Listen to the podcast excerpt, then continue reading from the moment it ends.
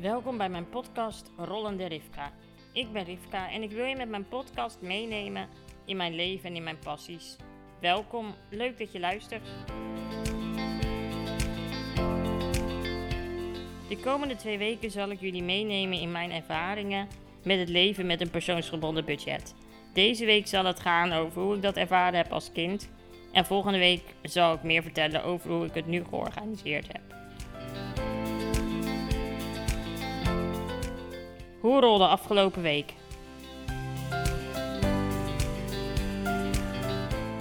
Afgelopen week was mijn afscheid bij het Spierfonds. Toch wel gek om na zo'n lange tijd uh, ergens weg te gaan. Ik vind het sowieso. Um, er was mij nooit voorspeld dat ik überhaupt zou gaan kunnen werken. Eigenlijk was iedereen in mijn omgeving daar toen ik klein was nogal sceptisch over. Van ja, ze is zo gehandicapt. Hoe zou ze kunnen werken? En is dat wel mogelijk? En dat je dan werk vindt, dan ben je nog een soort van heel, ja, dan ben je echt heel dankbaar dat iemand jou de kans wil geven, ondanks dat er altijd tegen je is gezegd dat werken geen optie is of dat werken lastig zou worden. Ik heb, geloofde daar nooit zo in hoor, in die, in die opmerkingen. Maar ja, als heel vaak het tegen je gezegd wordt, is er ook wel iets wat wel denkt van, nou ja, zal het wel gaan lukken? En um, toen ik dus een baan op de hogeschool had als docent, en ik uh, dat moest combineren met mijn werk als maatschappelijk werker. En ik uiteindelijk dus mijn baan opzegde op de hogeschool omdat het te veel was. Ik werkte toen 40 uur en dat, dat ging niet helemaal goed. Toen voelde ik me al, toen, ja, voelde ik me al zo uh, enorm welvarend, zeg maar, dat ik de keus had om een baan op te zeggen. En nu had ik dat gevoel ook weer, want ja, het, was, het is gewoon niet vanzelfsprekend dat je met een handicap zo'n mooi beroep kunt uitoefenen. En dan voelt het ook wel een beetje verwend dat je daar uiteindelijk toch niet helemaal gelukkig mee bent. Um, maar ja, ik weet ook uit de geschiedenis dat het me altijd is gelukt om nieuw werk te vinden. Dus ik vind dat soort. Dat zijn dingen die zijn best wel een beetje ingewikkeld. Althans voor mij. Want ja, wat, ja, wat gaat er daarna komen natuurlijk? En dat is geldt voor iedereen. Maar dan speelt toch weer dat stemmetje dat er altijd tegen je is gezegd: Ja, uh, jij kan toch geen baan vinden. Of niemand wil jou hebben, want je bent zo beperkt. Nou ja, dus ja. Ja, ik vind dat toch. Ik blijf dat toch een ingewikkeld iets vinden. Dat je dat zoveel in je jeugd gehoord hebt. Of dat dat om je heen is gezegd. Um, in mijn binnenste voelt dat helemaal niet zo. Maar toch is dat een stemmetje wat vaak meespeelt. Dus dat speelde ook wel een beetje mee in mijn laatste week bij het Spierfonds. Dat ik zoiets had van ja, wat gaat er nu komen? En komt er wel wat? En gelukkig kan ik 16 uur bij Schiphol gaan werken. Dus daar ben ik heel erg blij mee, want ik vind dat super leuk. We hebben een hele gave werkdag gehad afgelopen woensdag, waarin we het hebben gehad over de visie van eh, PRM. Of voor reizen van mensen met een beperking. En dan denk ik in het begin, ja, wat kan ik er nou aan toevoegen? Nou ja, mijn ervaring dus. En dan, ja, dat is gewoon wel, wel tof. Um, maar ja, het was dus ook wel een beetje een gekke week. Oh, en gisteren moet ik ook even delen natuurlijk. Ik had het afscheidsconcert van Nick en Simon. Ja, nu zul je denken, uh, Nick en Simon, riff. Ja, mensen, ik heb echt een slechte muzieksmaak. Wen eraan. Maar ik ben uh, vroeger best wel eens naar een concertje van Nick en Simon geweest. Dus toen kwam het afscheidsconcert. Toen zei een vriendin, Rief, we zijn ook naar het Gelderdoom geweest ooit. Wij moeten ook naar het afscheidsconcert. Nou, uiteindelijk ging die vriendin niet mee. Ging ik met een ander en het was hartstikke leuk. Echt een leuk concert. Um, super lang in de file gestaan na afloop bij Ahoy Rotterdam. Dus ik ben een beetje brak. Maar um, we kijken terug op een heel mooi afscheid van een tijdperk met Nick en Simon al denk ik dat die gewoon straks alweer terugkomen. Als ze geen geld meer hebben of zo, weet ik veel. Net zoals Arta en de Munnik. Ja, dan doe je zeven concerten daarna in de Ziggo Dome. Nou ja, dan ben je weer loaded. En dan, uh, nee, ik, uh, nee, gekheid. Um, het was een heel leuk concert en het was gewoon gezellig. Dus uh, ja, um, dan gaan we het nu hebben over wat zwaarder onderwerp. Het persoonsgebonden budget. My point of view. Ja, het persoonsgebonden budget. Ehm, een persoonsgebonden budget is eigenlijk een budget of een zakje geld van de overheid dat je vanuit verschillende wetten kunt krijgen om daarvoor zorg in te kopen. Dus bijvoorbeeld uh, vanuit de WMO, de wet maatschappelijke ondersteuning, vanuit de gemeente, vanuit de wet langdurige zorg, de WLZ, en vanuit de zorgverzekering. Dat is natuurlijk nog helemaal niet zo heel lang in Nederland. Ik weet eigenlijk niet vanaf wanneer het er is hoor. Maar het is iets wat, we, wat wij, denk ik, of wat op mijn naam, denk ik, ongeveer nu 22 jaar zo is. Ehm, mijn ouders deden altijd alle zorg helemaal zelf. En die deden helemaal niks uitbesteden. Want ja, dat was in die tijd überhaupt helemaal niet zo. Um, ja, risico van het vak van het krijgen van een kind. Moeten we het zo noemen. Um, en um, ja, dat begon dus later. De, kwam een keer de ergotherapeut. Nee, de maatschappelijk werker kwam een keer bij mijn ouders langs. Om te praten over alles. En mijn ouders zeiden gewoon dat de zorg best wel zwaar was voor mij. Ik lag ook heel veel in het ziekenhuis. En ja, mijn moeder kon moeilijk werken. En het, nou ja, het was, gewoon, het was gewoon veel. Alle ouders van kinderen met een SMA-kind, die kunnen dat onderschrijven. Het is gewoon heel veel werk. Weet je, als je kind denkt dat je kind vier wordt en het gaat naar school en je hebt je handen wat meer vrij. Ja, dat klopt. Maar met een kind met een spierziekte is dat dus wat anders. Want ja, uh, de zorg blijft. Je hebt daarnaast alles te regelen voor rolstoelen, voor hulpmiddelen, van alles. En dan is het juist lekker dat de kinderen op school zitten. Dan heb je daar even tijd voor. Maar ook om de haverklap was ik ziek. Dan moest ik weer gehaald worden. Was geen pijl op te trekken. En um, ik was ook wel gewoon heel erg gehecht aan de zorg van de mensen die ik kende. En dat is dus. Uh, dus, dus ja, dat maakte mijn ouders ook best wel een beetje beperkt. Ik ging wel logeren bij mijn opa en oma's. Maar ook voor hun werd de zorg steeds zwaarder. En werd dat steeds moeilijker, waardoor het ja, op een gegeven moment de maatschappelijk werker toch bespreekbaar, bespreekbaar wilde maken of het niet mogelijk was om voor een paar uurtjes zorg um, in te gaan huren voor mij. En zij is dus bij mij langsgekomen, bij ons thuis langsgekomen. En zij vertelde mezelf altijd dat ik toen echt een draak was. Want ik denk dat ik wist waarom zij kwam. En ik heb gewoon 300 keer meer gevraagd dan ik normaal zou vragen. Althans, zo'n kop heb ik mijn hele leven al gehad. Dus ik vermoed ook wel dat dat het geval was. Dus zij is echt half getraumatiseerd naar huis gegaan, vertelde ze wel eens. Over hoe zwaar mijn zorg wel niet was voor mijn ouders.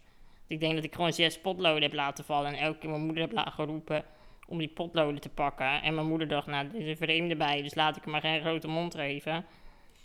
Dit is een interpretatie van de situatie waarvan ik helemaal niet weet of het zo gelopen is. Maar, nou ja, ik ken mezelf een beetje. Ik kan mezelf wel voorstellen dat ik de boel enigszins op stelte heb gezet op die leeftijd. En ik weet van de maatschappelijk werker dat hij diep onder de indruk was van de hoge zorgvraag die ik had. Um, dus zij heeft toen een PGB aangevraagd en ik kreeg te horen van mijn ouders dat er dus iemand uh, kwam om mij af en toe eens naar bed te brengen. Nou, toen was Leiden in last. Want ik vond dat dus belachelijk. Want hoe haalden mijn ouders het in mijn hoofd, in zijn hoofd, om iemand in te huren voor mijn zorg? Want zij hadden gekozen voor een kind.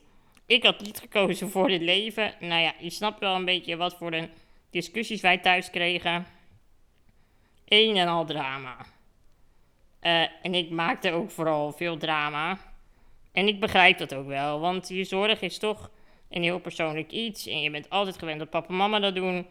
En dan opeens moet iemand anders dat gaan doen. Um, ja, toen vonden we dus een compromis om de overbuurvrouw te vragen. En de overbuurvrouw was eigenlijk onze vaste oppas, die toch al heel veel voor mij zorgde. Dus eigenlijk veranderde er helemaal niet zo heel veel. Behalve dat zij nu betaald werd uit het PGB en mij naar bed bracht in plaats van op mij paste als mama aan het werk was. En ja, ik vind het dus gewoon echt grappig dat ik als kind echt. Nou ja, ik, eigenlijk bij alle veranderingen ging ik gewoon in de ankers. Maar dat heb ik denk van mijn vader geërfd, want die is ook een beetje zo. Um, sorry pap, not sorry. Um, dus ja, toen um, toen begonnen we met het persoonsgebonden budget. En het is ook wel iets wat ik dus steeds meer. eh, ik adviseer dat dus wel echt oprecht ouders. Want ik merkte zelf dat ik het best wel heel erg moeilijk vond om mijn zorg uit te leggen. Want ja, je ouders doen altijd hetzelfde. Die weten precies hoe alles moet. En dan opeens moet je zelf gaan uitleggen aan iemand hoe jij wil dat jouw zorg gaat. En daarom ben ik er best wel een voorstander van dat er gebruik wordt gemaakt van het persoonsgebonden budget van opgroeiende kinderen. Omdat de kinderen, wij zijn toch de rest van ons leven afhankelijk van zorgverleners. En dan is het kunnen vragen van een goede hulpvraag gewoon essentieel in de rest van je leven. En dan is leren omgaan met mensen die je baas zijn, die, die jouw werknemer zijn, maar waar jij ook uiteindelijk de baas over bent. Dat zijn vaardigheden, die zijn best heel ingewikkeld. En het is heel belangrijk dat je daar als kind dus best wel aan gewend raakt. Dat anderen ook aan je zitten. Maar bij mij was het zo dat de zorg gewoon af en toe kwam. Mijn moeder kreeg een had een hekel aan het douchen van mij. Want ik wil altijd heel lang douchen omdat ik het altijd koud heb. En mijn moeder heeft altijd half overhit en dan moet ik nog aangekleed worden. Dus op een gegeven moment kwam er ook iemand die mij kwam douchen. En dat gaf mij dus eigenlijk ook heel veel vrijheid. Want ik kon daardoor veel langer douchen dan ik van mijn moeder mocht. Gewoon lekker chill. Ja, helemaal top. Ehm, en da dan, dat vind ik een heel groot voordeel van het persoonsgebonden budget. En een onderwerp wat ik hierbij nog wil aansnijden, en dat is best een tricky onderwerp dat ik dat ga doen, maar iedereen kent mij en weet dat ik vrij recht voor zijn ben. Dus ehm, ik ga het toch hier doen. En neem het in je op. Neem het mee. Ehm, doe ermee wat je wil. En als je me onterecht vindt, laat me dan gewoon lullen. Luister dan vooral wel de volgende podcast natuurlijk. Maar wat ik heel erg zie tegenwoordig is dat er heel veel kinderen met mijn spierziekte 24 uur per dag, nou ja, nagenoeg 24 uur per dag, hulp, hulpverleners om zich heen hebben. Die gaan mee naar school, die zijn de hele dag als een soort schaduw bij het kind. En ik vind dat een hele slechte ontwikkeling. Sorry. Tuurlijk, als het medisch noodzakelijk is, vind ik het een ander verhaal. Maar ook daar zit een grijs gebied in. Er zit een grijs gebied in wat jouw hart als ouder zegt, of wat echt daadwerkelijk noodzakelijk is. Ehm, want wat ik zie is dat de kinderen dus de hele tijd achtervolgd worden, of daar grotendeels eh, er sprake is van een zorgverlener om het kind heen. Terwijl een kind moet ook gewoon leren wachten. Een kind moet ook leren zelf op te denken, op te letten, zelf na te denken. En een kind met een handicap, heel belangrijk, moet leren om hulpvragen te bundelen. En ehm, dat is in deze situatie veel lastiger wat ik zie. Want een ander let op of het kind kan oversteken. Ik ging gewoon soms zelf naar de supermarkt of naar de slager om, eh, om vlees voor mama te halen. Daar is nu geen sprake van, omdat een kind altijd achtervolgd wordt eh, door de hulpverlener. En de hulpverlener moet wel heel erg goed zijn in het bewaken van de grenzen. En ook het kind het eigen gang laten gaan om niet in te grijpen als er wat nodig is. En daarbij, er is altijd een vangnet voor het kind om op terug te vallen. En het is ook goed dat een kind zelf leert om bepaalde situaties of problemen op te lossen. Ik sprak iemand laatst en die zei: Ja, de hand van mijn kind was van het stuur afgegleden. En toen kon het niet meer rijden. En toen zei ik: Ja, dus. Ja, ja, en toen? Ik zei: Nou, het heeft toch een mond. Ik kan toch gewoon vragen of de arm teruggelegd kan worden. En toen was het stil. En toen dacht ik: Ja, kijk, dit zijn dus vaardigheden. Die leert een kind als hij zelf problemen moet oplossen.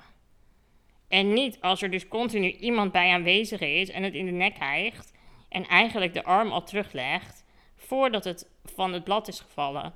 En dat gold ook vroeger toen ik aan het knutselen was. Ik was aan het knutselen en, of aan het tekenen, ik noem maar wat. En mijn kleur potlood viel op de grond. Ja, dan riep ik mijn moeder om het potlood te pakken.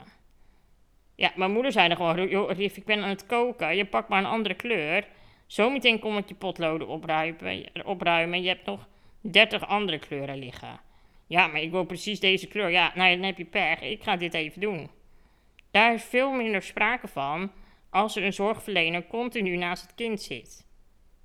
Ik heb dus gewoon geleerd om al mijn potloden of dingen die ik nodig heb op mijn blad te hebben liggen en te zorgen dat dat gewoon niet valt. En tuurlijk heb ik nu een hulphond die het eventueel kan doen. Maar ik laat dus praktisch nooit wat vallen, omdat ik daar zo op getraind ben dat ik de dingen gewoon in mijn eigen bereik heb. En dat geldt ook voor het bundelen van de zorg. Dat is een mega belangrijke en onderschatte uh, vaardigheid. Ik ben nu aan het uh, uh, met sieraden bezig, armband aan het maken. En ik moet gewoon zorgen dat ik alle voorwerpen die ik nodig heb daarvoor gewoon binnen handbereik heb. Want anders moet ik weer een hulp vragen om het voor me te pakken.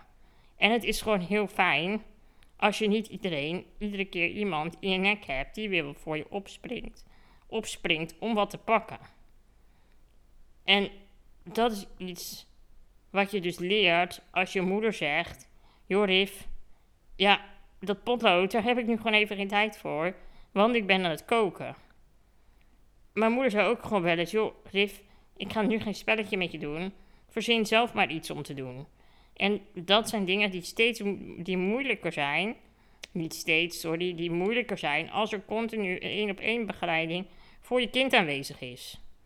Want die is gewoon verplicht, tussen haakjes, om continu die zorg voor het kind te leveren. Dus laat het kind een stift vallen, dan pakt het al bijna, bij wijze van spreken, de stift op voordat het gevallen is. Gaat samen met het kind kleuren. Maar waarom moet er samen met een kind gekleurd worden? Dat kind kan zelf ook alleen kleuren. Maar ja, het is ook heel ongemakkelijk om een zorgverlener in je huis in een hoek te zetten en zeggen: joh, laat mijn kind het zelf maar uitzoeken. Dus dat is iets wat ik wil meegeven in deze podcast aan de ouders die hier naar luisteren. Denk daar eens over na dat je wel werkt met je kind aan die vaardigheden die ik heb genoemd. Want die zijn in de toekomst ook op de werkvloer straks voor het kind gewoon super belangrijk. Ehm, als ik op mijn werk iemand naar het koffiezetapparaat zie lopen, dan vraag ik al: joh, wil je voor mij ook een kopje thee meenemen? Het is niet, ik wil nu thee, dus ik vraag iemand die aan het werk is om nu thee voor mij te pakken.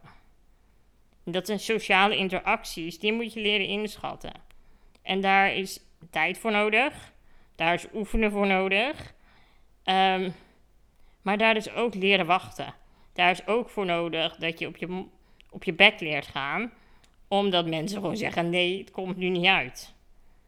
En ja, dat is iets wat ik deze week zou willen meegeven aan, aan de ouders die er naar luisteren. En ik weet dat er best wel wat ouders naar luisteren. En het is super ingewikkeld. Maar voor de toekomst heeft jullie kind het nodig om te kunnen wachten, om sociale interacties daarin te kunnen inschatten en om de zorgvraag te kunnen bundelen. Het is nu echt super mooi dat een PGB er is en dat het ingezet kan worden. En dat is echt heel erg fijn. En daarmee hebben we dus al kunnen oplossen dat de kinderen gewend zijn om hun eigen zorg aan te geven en op welke manier ze dat willen. Maar ik denk dat er nu een stap verder nodig is in de ontwikkeling van de kinderen om te werken aan die andere vaardigheden.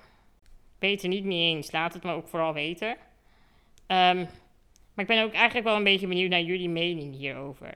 Zien jullie dit ook zo? Of zeg ik wat heel geks? Of hoe richten jullie dit in uh, bij jullie zorg? Want ik kan me ook voorstellen dat sommige ouders daar wel heel erg actief mee bezig zijn.